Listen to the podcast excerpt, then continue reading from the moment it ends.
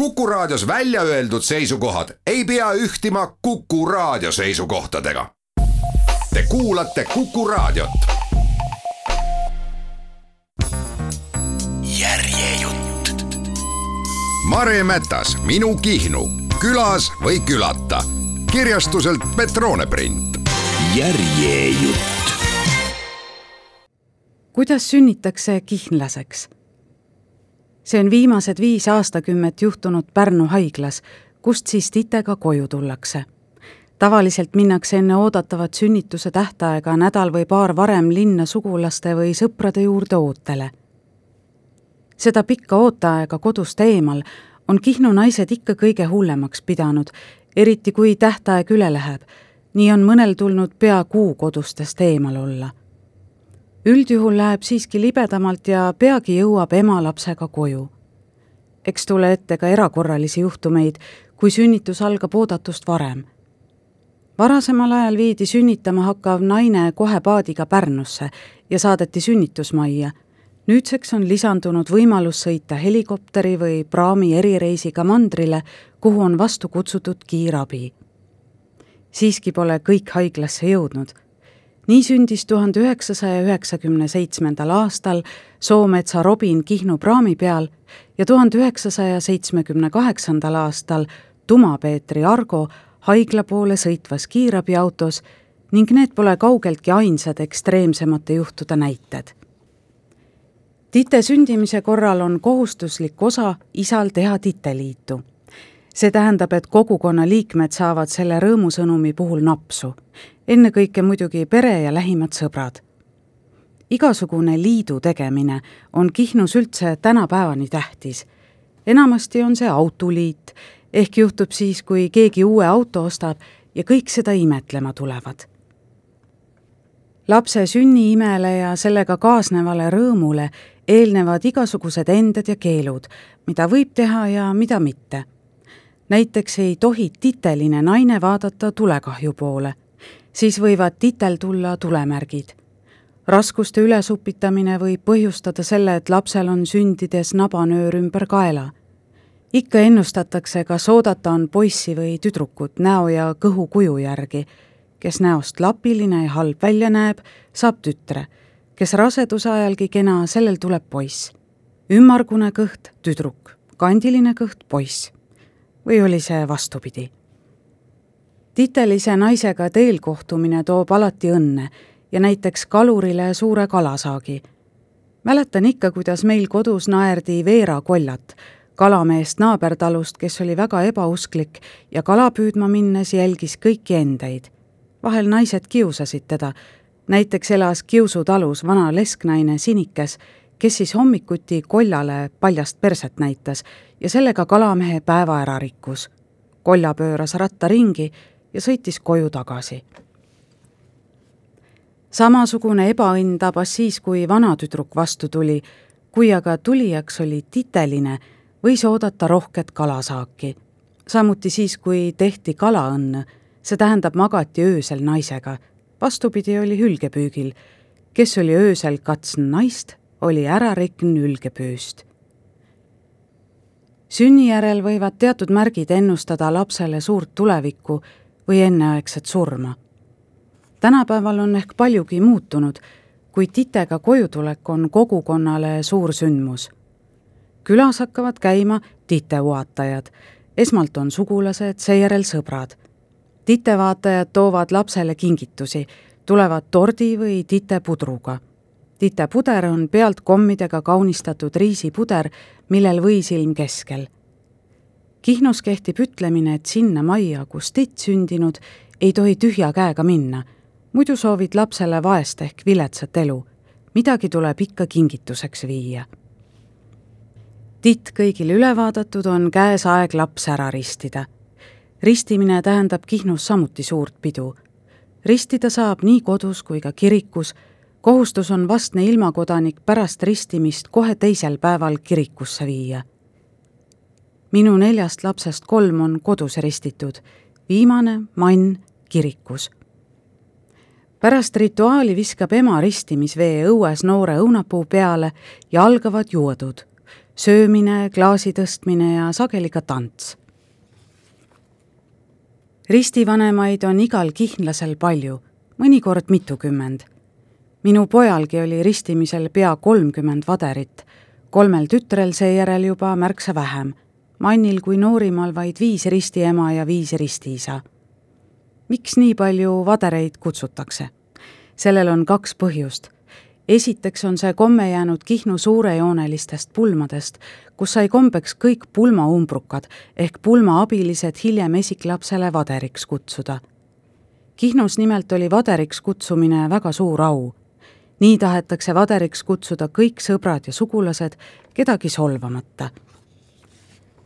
Vaderid annavad lapsele tavaliselt hambaraha, mille eest vanemad saavad talle midagi suurt mälestuseks osta või otsustavad ise, mida teha lusikate kinkimise kommet Kihnus pole, ikka hambaraha on väärt kink.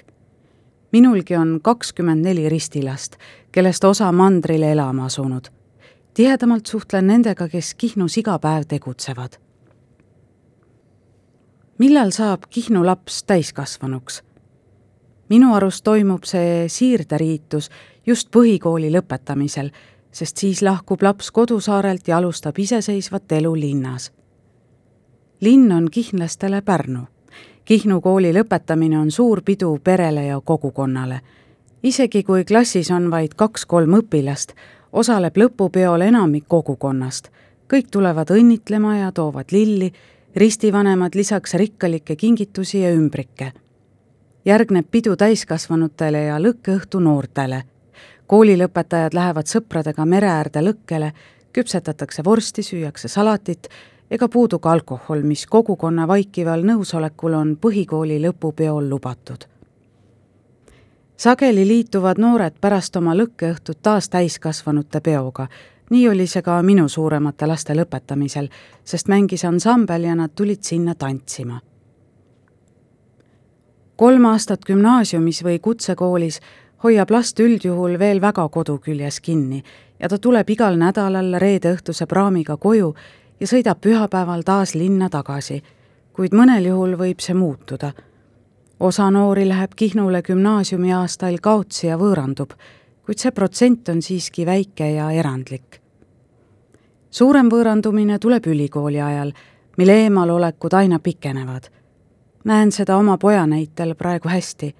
tema käigud koju on harvaks jäänud ja seotud ikka mõne suure püha või sündmusega samal ajal veedab tütar Liis iga vaba hetke Kihnus, tuleb esimesel ja lahkub viimasel võimalusel. mis mulle Kihnus meeldib, on üksteisest hoolimine ja hierarhilisuse puudumine. kõrvuti kasvamine on loonud ühised mälestused. Siin ei moodusta eraldi seltskonda haritlased ja marginaalseid gruppe need, kel haridustee pooleli, on vaid üks rühmitus, kihnlased. Nädalavahetustel, kui koju tullakse, ollakse koos olenemata staatusest, ole sa üliõpilane, gümnasist, kutsekooli õpilane, haridustee pooleli jätnu või ehitustööline. kõik moodustavad ühe homogeense grupi, mida seob sama kasvukeskkond ja ühismälu, Kihnu identiteet. milline on Kihnu naise riidekirst aastal kaks tuhat kakskümmend üks? heidame pilgu sellesse naise kõige kallimate aarete kambrisse. körte on kõigil saare naistel kindlasti paarkümmend, enamasti rohkemgi. minulgi on neid palju rohkem ja kui arvan siia hulka oma tütarde kördidki, võib number tõusta neljakümne peale. See on Kihnus tavaline, ehk et selles pole midagi erakordset. kõrvaltvaatajale on vahest esialgu ebaselge, miks neid körte nii palju peab olema ja mis neil vahet on. asi on selles, et körte kantakse teatud süsteemi järgi ja kördist võib välja lugeda kandja koha elukaarel ning meeleolu mõjutanud sündmused.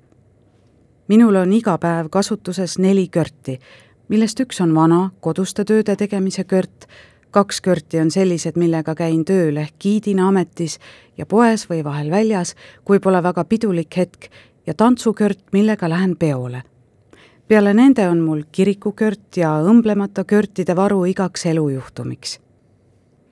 elu jooksul olen ära pidanud kümmekond körti, mis nüüd on tuletorni ja metsamaa pärimustalu näitustel kaunistustena kasutusel ja kust vajadusel saab kirja maha võtta ehk sama mustriga kördi uuesti kududa. kördi kirju on väga palju, arvan, et sadu. on neid, mis sageli korduvad ja paljudele meeldivad ja ainukordseid, mis loojast kaugemale pole läinud Kördi mustris on alati oma loogika ja süsteem ning muudatusi selles teevad või uusi kirju loovad vilunud ja julgemad kudujad, kelle hulka mina end ei arva, sest olen körte siiani vähe kudunud, ainult paarikümne ringis. kihnlasele on äärmiselt oluline kududa kördid ise. on väga tähtis, et igas peres osataks körti kududa, eriti kui peres on tüdrukud tütardel peavad olema uued ja uhked, ilusad kördid, mis üldjuhul õmmeldakse mõneks tähtpäevaks, tavaliselt jõuludeks või jaanipäevaks, mõnikord ka muuks tähtpäevaks.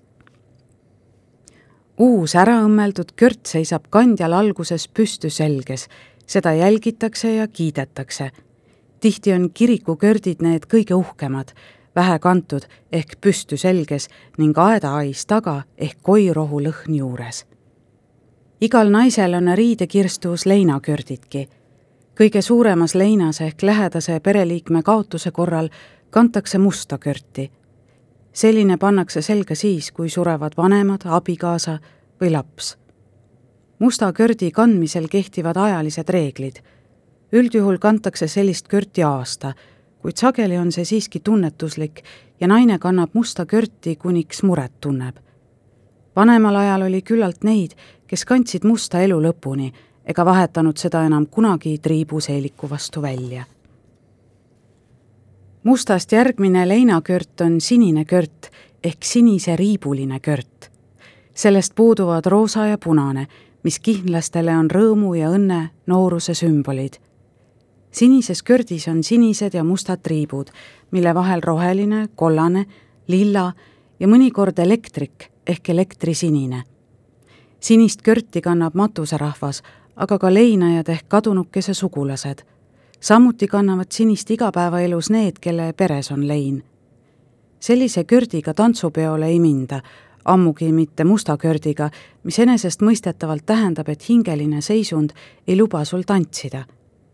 nii musta kui ka sinise kördi allääres on punane kaitsemaagiline pael, mis peletab eemale haigusi ja halba kui lein jääb kaugemale ja mure üle läheb, tulevad kördi sisse esimesed õrnad roosad ja punased triibud. see on kiipsuga kört. varem oli kombeks kirjeldada seda mõnel juhul kui lesekörti. nii kandis minu mamma terve elu ainult kiipsuga körti ja mitte kunagi punasemat varianti.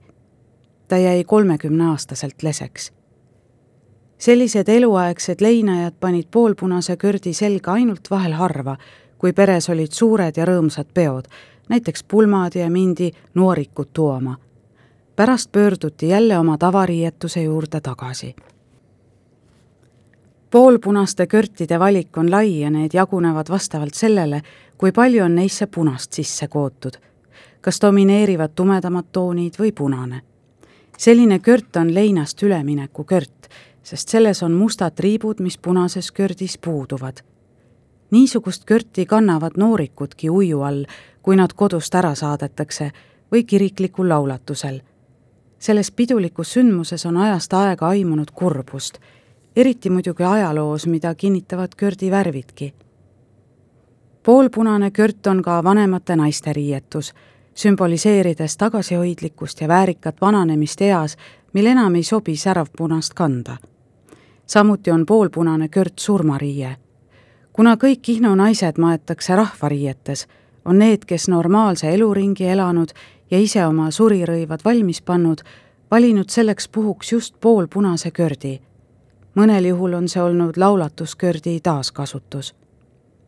poolpunast körti kantakse surnuaia pühalgi, kui lähedaste haudadele küünlaid pannakse ning palveid loetakse mõnikümmend aastat tagasi tuli Kihnus kasutusele uus körditüüp vanainimese punane. see on valdavalt punane kört, kus sees kitsad mustad triibud. uuendus tuli seoses sellega, et vanemad naised või lesed ei soovinud käia kogu aeg vaid poolpunase, ammugi kiipsuga kördiga, eriti pidudel või esinemas. uus körditüüp on osutunud väga populaarseks ja elujõuliseks. see kört eristab noori ja vanu, ehk siis neid, kes pole enam fertiilses eas. Punane kört, see kõige tähtsam ja hinnatum naise eluteel, sümboliseerib noorust ja elujõudu rõõmu.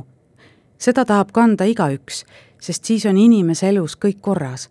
Neid kootakse juurde üha kaunimates ja säravamates värvides. tänapäeval on lõngavärvid kallid ning kallis on ka lõng, mis muudab kördi kudumise kulukaks ettevõtmiseks. seepärast hoitakse körte üha rohkem. Ajas on muutunud see, et vana ja liekn ehk pleekinud kördiga ei sobi väljas käia ruttu kootakse uued, et seeläbi näidata oma töökust ja rikkust ning ilumeelt. ammu enam pole ühelgi noorema põlvkonna esindajal seljas näinud körti, mis värvli osas on sitsiriidega pikemaks tehtud ja millist minagi lapse- ja nooruspõlves kandsin, kui kört lühikeseks jäi. Veel paar-kolmkümmend aastat tagasi olid sellised kördid üpris tavalised sageli oli põhjuseks see, et kuuekümnendate minimoe mõjutusel kooti kördid liiga lühikesed ja hiljem oli kahju neid raisku lasta. kuuekümnendate aastate minimood saabus Kihnu suure lainetusena ja selle mõju kestis pea kümme aastat. kördid ulatusid kohati vaevupõlvini, nii et sukapealsedki paistsid välja. Ka abielunaiste põlled õmmeldi toona väga lühikesed, mõni lõikas lausa jupi põlle otsast ära seda tegu kahetseti just kallisseltsi põllede puhul kibedasti, muutusid need ju seetõttu hiljem kandmiskõlbmatuks. Need on kallist sitsist või kallist seltsi rätikud ja põlled, mis on pärit Tsaari-Venemaalt. meremehed hakkasid neid alates üheksateistkümnenda sajandi lõpust naistele kingituseks tooma ja ajapikku muutusid need piduliku rahvarõiva oluliseks osaks mingil ajal läks Kört oma normaalpikkusesse tagasi. veel üheksakümnendate alguses tuli korraks noorte moodi Kört, mis oli praegusega võrreldes pikem, kuid seegi trend möödus kiirelt. umbes kolmkümmend, nelikümmend aastat tagasi oli moes kududa körte, mille triibud olid hästi kitsad, kuid ka see mood ei püsinud kaua ja peagi muutusid triibud selliseks, nagu nad praegu on kahekümnenda sajandi alguses või keskpaigaski olid triibud laiemad kui nüüd ja kirjad sageli harvemad, kuid praegustele kudujatele annavad need ikka veel inspiratsiooni. vanu mustreid kootakse aeg-ajalt uues võtmes. küsimusele, miks Virve on kahekümne esimese sajandi staar, on mul vastus olemas. Käin Virvel sageli külas ja arutame asju, kuulan tema meenutusi ja järeldusi pikast elust ning soove tähelepanelikult. kord rääkis Virve mulle oma suurest soovist või õigemini murest, et mis pärast tema surma saab, kas ta pääseb ikka Kihnu muuseumi kuulsuste tuppa, kus on eksponeeritud Theodor Saar, Peeter Rooslaid ja Marina Rooslaid. kuna mina töötan suure osa ajast giidina, mõtlesin iga kord, kui järjekordse rühmaga sinna ruumi astusin, et kuhu ometi Virve panna mõtlesin ja mõtlesin. rääkisin murest kunstnikust sõbrale Jaak Visnapile. tema ütles, et siin muud head lahendust pole, kui virve tuleb panna lakke. nojah, nali naljaks, kuid see mure painas mind edasi, kuni tegin endale tähtsa avastuse. virve ei peagi olema seal toas, kus on kahekümnenda sajandi staarid. Tema on ju kahekümne esimese sajandi staar tema on oma enneolematu kuulsuse saavutanud just praegusel sajandil seega on küsimus eraldi toas, kui mitte keskuses või ausambas. minu mälestused Virvest ja tema perest algavad kahekümnendast sajandist. ka meie perede vahel on põlvkondade pikkune side. Põlde Marta oli sündinud tuhande üheksasaja kahekümne kaheksandal aastal nagu Virvegi ning oli Kihnu koolis Virve pinginaaber ja südamesõbranna. sellest ajast jäid head suhted kogu eluks Virve värvikas natuur figureeris ikka siin ja seal. ühelt poolt oli tema elu raske ja elumuresid palju, teisalt tegi talle suurt rõõmu laval esinemine. igal võimalusel osales ta Kihnu rahvamaja estraadistseenides ja komöödiasketšides. eks annet ole tal tõesti, etendused olid külarahva meelest naljakad ka. Üks Virve tragöödiaid oli tütar Hilja mootorrattaõnnetus. see juhtus kord talvel Ülemere trahteris Kuldlõvis kõrtsipeol käies. õnnetuse tulemusel jäi Hilja vaevu ellu ja oli pikalt voodihaige ning tal olid hilisemad tõsised tervisemured Virve kasvatas hilja kaht kooliikka jõudnud tütart Rainat ja Reenat, seepärast on nad teda alati austavalt emaks kutsunud. Virve noorim tütar Urve on Rainast vahest seitse aastat vanem, nii et need kolm tüdrukut kasvasid Virve hoole all üles nagu õed. selle ülimusikaalse pere värvikas tegelane oli ka Virve mees Janka, kes aeg-ajalt lõõtsa välja võttis Virve tagasivaade oma üle kuuekümne aasta kestnud abielule pole kuigi positiivne ja kirjelduste põhjal võib seda tema poolt nähtuna käsitleda kui ebaõnnestunud kooselu täis pettumusi, petmist ja vägivalda, millest räägib minu viimase aja laulgi. tütretütred arvavad siiski, et Virve liialdab ja Jankal polnud viga midagi. minu sõprus Järsumäe tüdrukutega algas kaheksakümnendatel aastatel käisime üheskoos Rahvamaja pidudel tantsimas ja üksteisel külas, enamasti mina kiusupilviga ikka Järsumäel istumas, sest seal oli ju kõige põnevam paik päikese all. Sealsed jutud läksid iga kord nii huvitavaks, et me ei saanud või ei julgenud enam öösel koju minna, sest hakkasime kartma kõike seda, mis sealses metsas inimestega juhtunud oli või juhtuda võis.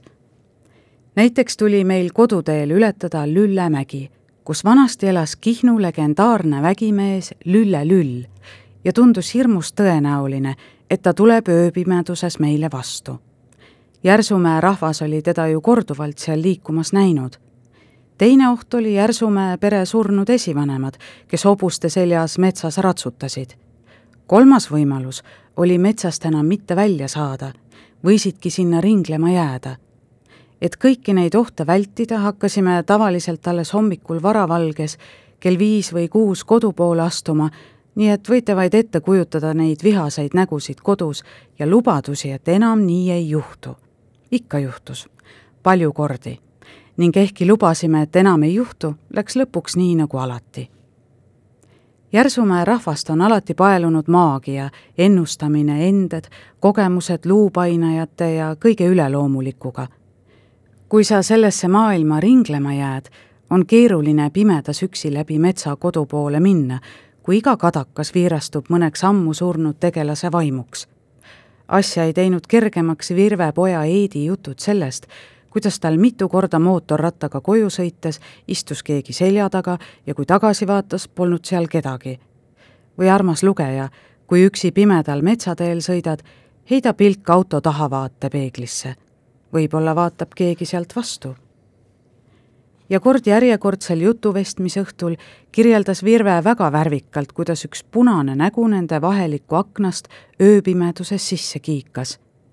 Ja jälle ei saanud ma tol õhtul kuidagi pimedas koju mindud. oh, neid lugusid oli palju kui värvikas kaaskond ammu surnud inimestest või müstilistest tegelastest seal Virve maja ümber metsas tegutses ja meile kõigile kaasa elas Nende rahvajuttude taustal pole ime, et üks mu lemmikraamatuid on Andrus Kivireha Rehepapp või veel parem, film November, millest kõik tuleb nii tuttav ette, olles justkui täpne kirjeldus meie igapäevaelust. jah, mina olen suur rahvaluule ja folkloristika sõber. ma võin selliseid jutte tundide kaupa kuulata ja eks seepärast ole Järsumäe talu ajast aega olnud minu lemmikpaik Kihnus ikka ja jälle kuulen sealt midagi põnevat ja inspireerivat. selle raamatu käsikirja kirjutamise ajal on Virve just üheksakümne kolme aastaseks saanud. Tulin paar päeva tagasi tema sünnipäevalt, mis oli äärmiselt meeleolukas, tõeline naisteklubi üritus. päev varem käisid Virvet õnnitlemas vallavalitsuse töötajad, minule oli eraldi vastuvõtt plaanitud reede õhtuks ja nagu ikka, üllatusega külla oli kutsutud nõid Mari-Liis Pau, kes paneb kaarte ja ennustab tulevikku. sellest kujunes taas niivõrd põnev öö, mis ei lähe meelest. Hea meel oli näha, et Virve naasis seansilt silmnähtavalt rõõmsamana, kui oli enne olnud. kui lõpuks jõudis kätte minu kord minna nõiajutule, oli see käik mullegi pisut elumuutev ja jahmatav. jah, midagi pole muutunud. Järsumäe talu ümbritsevas metsas toimub kogu aeg midagi põnevat, mis lükkab minusuguse rajalt korraks maha, veidi kreeni, mõjudes iga kord meeli ergutavalt. Juhuu, kõige intrigeerivam teema ongi käes see on teema, mille ümber ei katke arutelu, mille üle ei lõpe solvumine ega heameel ja mis toidab jätkuvalt maailma tähelepanu UNESCO vaimse kultuuripärandi nimistusse kuulumise kõrval. kui Soosaar omal ajal Kihnu mehe filmiga kogukonna välja vihastas, siis ega mina siin palju maha jää. igatahes on paljud kajastused tekitanud põneva vestluse nii mõnegi Kihnu köögilaua taga ja süüdistatud mindki eksitavas kuvandiloomes siiski ei tunne mina endal selles süüd. ma ei oleks ise iial tulnud selle peale, et käsitleda Kihnu kogukonna toimimist matriarhaadina, sest ma ei arva, et see nii on. turundustöö tegi minu eest ära Prantsuse fotoajakirjanik Sebastian Lebain, kes tuli külla ja elas minu juures nädalakese pärast aastaid varem ilmunud ajalehe Liberatsioon hülgepudru ja võimukate küünlapäeval otsuseid tegevate naiste tuules Liberatsiooni ajakirjanik avaldas kahe tuhande üheksandal aastal meie vaatenurgast skandaalse loo, mis lõi kõik kihnlased pahviks pärast seda, kui kuraga Mari oli selle ära tõlkinud. Loo põhisõnum oli, et võimukad naised kogunevad igal aastal küünlapäeval, et võtta vastu saare arengut puudutavad otsused ja söövad seejärel üheskoos hülgeputru, mis on meilegi tõlkimatu toidunimetus, sest sellist rooga pole olemas ja et mehed seal ei osale või on see neile keelatud või on nad enamikus hukkunud Läänemere lainetes. mina ei suutnud seda ajakirjanikku või temaga kohtumist meenutada, ometi leidsin end mõnelt tema fotolt koos oma lammastega või koduköögis toimetamas. ju siis ikka vestlesime, paistab nii nullindatel oli neid Prantsuse dokumentaliste ja ajakirjanikke või suursaadikuid talvisel jääteel mootorrattakorvis sõitmas Maniasse tagasi nii palju, et lõpuks ei suutnud ma enam järge pidada ega iga detaili meenutada. Ühega neist kukkusime näiteks kord Manias Toomavilma loomalaudas virtsaauku aga tuleme tagasi Sebastian Lebani juurde, kes ühel kenal veebruari nädalal tuli mulle külla, et Kihnust lugu teha ja müstilisest väikesaare küünlapäevast osa saada. ja lugu tuli. selle avaldas mitu suurt väljaannet, Al Jazeeras on seda loetud üle miljoni korra, samuti oli tuhandeid jagamisi. naiste saar, matriarhaat. Kuvand oli loodud, otsus sündinud, turundus tehtud esialgu ehmatas see väga, kuid tegelikult ei saa vaidlustada seda, kuidas Sebastian talvist saart nädala jooksul nägi. seiklusi oli meil omajagu ja oleme Sebastianiga suured sõbrad tänini, aeg-ajalt vahetame kirju. tema kasutusele võetud väljend matriarhaat troonib nüüd Kihnu elukorralduse iseloomustamisel kõikide maailma meediaväljaannete pealkirjades ja seda muuta pole õnnestunud ja see, kui triviaalne asi õigupoolest on, ei huvita enam kedagi. aga on meil siis Kihnus matri- või patriarhaat? või kas Kihnu kohta on minu poolt ja mahitusel valeandmeid esitatud ning avaldatud? näiteks selles viimatises loos, mis ilmus Hillary Richardil New York Timesis ja millega Kihnu matriarhaadi lugu taas üle ilma laineid lõi ja tuhandeid klikke sai, või neis kümnetes filmides, kus naised tantsivad, käsitööd teevad, mootorrattaga sõidavad, kõiksugu asju ajavad või intervjuusid annavad. siin polegi maailmale ammu enam muud selgitust, kui et Kihnu traditsioonide hoidjad on tõesti naised, eriti mis puudutab inimese eluringi olulisi aspekte, millest tähtsaim on pulm. Niisamuti on regilaulu ning käsitöö elus hoidmise või matustega, mille korraldajad ja eestvedajad on alati naised või võtame Kihnu kiriku. see oleks ammu uksed sulgenud, kui poleks olnud kangeid naisi. mehed, kaasa arvatud meie noor tubli vallavanem, kes nende juttude peale sageli solvunud on, teevad samu asju, mida kogu maailma meessoost poliitikud vallavanemad. ehitavad teid, sadamaid, hoolitsevad heakorra, hariduse ja sotsiaalvaldkonna eest. ühesõnaga, teevad neid samu asju, mis kõik vallavanemad kogu maailmas. mingit eripära selles tõepoolest pole. ainult, et mõni vallavanem või linnapea teeb rohkem, mõni vähem. mõni on tublim kui teine, mõni korrumpeerunum kui teised, nagu ikka. saada oma väikesaarega maailmas pildile on minu arust igati tore. paljudel pole see õnnestunud enamikust maailma väikesaartest pole keegi kunagi midagi kuulnud ega kuule ka, kui sinna just ujuma ja päevitama minna ei saa. Kihnu kultuuri ime on igati tähelepanu vääriv, see on selge ja lõppkokkuvõttes hea. omaette teema on Kihnu muutumine suvekodude ja turismitalude saareks. Kihnut on maailma meedias palju turundatud, tehtud kümneid dokumentaalfilme areng on olnud tohutu ja turism on paljuski kahekümne esimese sajandi alguse Kihnu päästerõngas. ometi on turism väikesaarel kahe teraga mõõk. positiivse poole pealt vaadates on asi lihtne. see on meie ellujäämisvõimalus. teisest küljest kaasneb turismiga Kihnu kultuuri kaubastamine, objektistamine. kaubastamine ehk kultuuri materialiseerimine ning rahaks muutmine, et kapitali koguda, on osa turismimajandusest ja sellest pole pääsenud Kihnugi. turism on toonud kaasa laialdase suveniiri tootmise ja sellega kaasneva käsitöö tegemise, mitmekesised folkloorikontserdid pärimusmuusika ja tantsu tutvustamiseks ning juba UNESCO eesmärkidest tuleneva laialdase oma kultuuri tutvustamise mujal maailmas.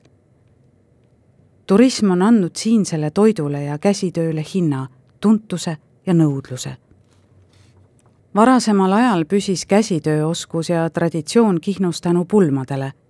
tütardele kooti enne pulmi kirstud veimi täis ja see tegevus kestis kogu tüdruku eluea. peale selle kooti kindaid sokke pidevalt kõigile pereliikmetele, meestele talvisteks püügiretkedeks. turism andis sellele enne vaid oma tarbeks ja kogukonna sees eksisteerinud põhioskusele hinna. hind on laulude ja tantsude esitamiselgi hind on igasugu oskuste tutvustamisel, olgu see kalapüük või mootorrattasõit, jutuvestmine või kohtumine legendaarsete kihnlastega. paraku on turism Kihnus väga hooajaline. kogu aasta teenistus, peale selle investeeringuraha tuleb teenida paari suvekuu jooksul. see paar kuud tehakse hullumiseni tööd, kuni kõik lõpeb septembris täieliku kurnatusega tean peresid, kes teenivad elatist toitlustajana. suveöödel saavad nad sageli magada vaid paar tundi, vahel neli, headel päevadel kuus tundi. aga tuleb pingutada, sest turistid on siin just nüüd ja praegu. muul ajal nõudlus puudub või on minimaalne. turism on kaasa toonud selle, et kohalikud ei jaksa enam traditsioonilist nädalarütmi jälgida. oi seda rõõmu kui hilissügisel saab minna oma perega laupäeval sauna nii, et ühtegi külalist pole. laupäevad on ju suvel kõige tihedamad tööpäevad. minagi olen turismimajanduse kütkes. kevadel ootan külalisi pikisilmi, sest esimesed neist on tavaliselt justkui värske õhk. mulle meeldivad ekskursioonid, mis on vastastikku rikastavad dialoogid septembriks olen sageli ületöötamisest kaotanud kõnevõime ja tunnen kõikehõlmavat üleväsimust.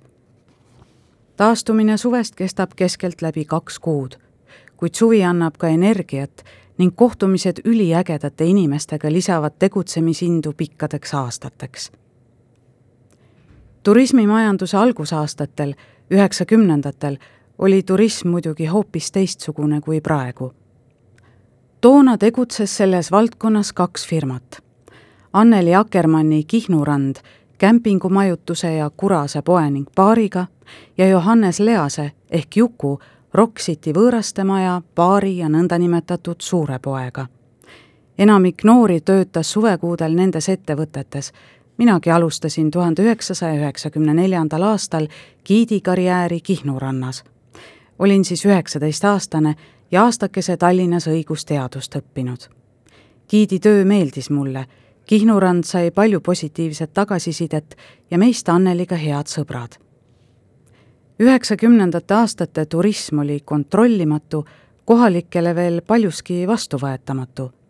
Kihnu sagedased külalised olid siis alkoholituristid, kes tahtsid saare vabadusest osa saada, kasutades võimalust teha kõike, mis pähe tuli, sest saarel teatavasti pole politseid ning ühelt maalt ei käinud kohalikke jõude enam neist joomakampadest üle. läbuturistid ei mõelnud hetkekski, et see saar on kellegi kodupaik, vaid räuskasid, oksendasid, sõitsid autokatustel ja ärandasid mootorrattaid, kuis jaksasid. kihnlaste parim päev oli alati pühapäev, kui kõik need hullud lahkusid ja sai isekeskis enda kogukonna liikmetega aega veeta oma rollis turismitöötajana ja sihtasutuse juhatajana pole asja, mida ma poleks enese koduõuel näinud. vahel tundub, et kogu muu maailma hullus tuleb siia lühikesteks suvekuudeks kohale. näed ära kõik, millest muidu kirjanduse või televisiooni vahendusel aimu saanud oled. vaimse tervise probleemid, mis võivad äärmusse kalduda, narkootiliste ainete üledoos või Eesti filmiklassikas tuttavad tüpaažid. muidugi Neid ekstravagantseid nähtusi on õnneks vähe ja mida aeg edasi, seda vähem tuleb liigsest vabaduse tunnetusest tulenevaid jamasid klaarida. järjejutt. Mare Mätas, Minu Kihnu külas või külata kirjastuselt Petrone print. järjejutt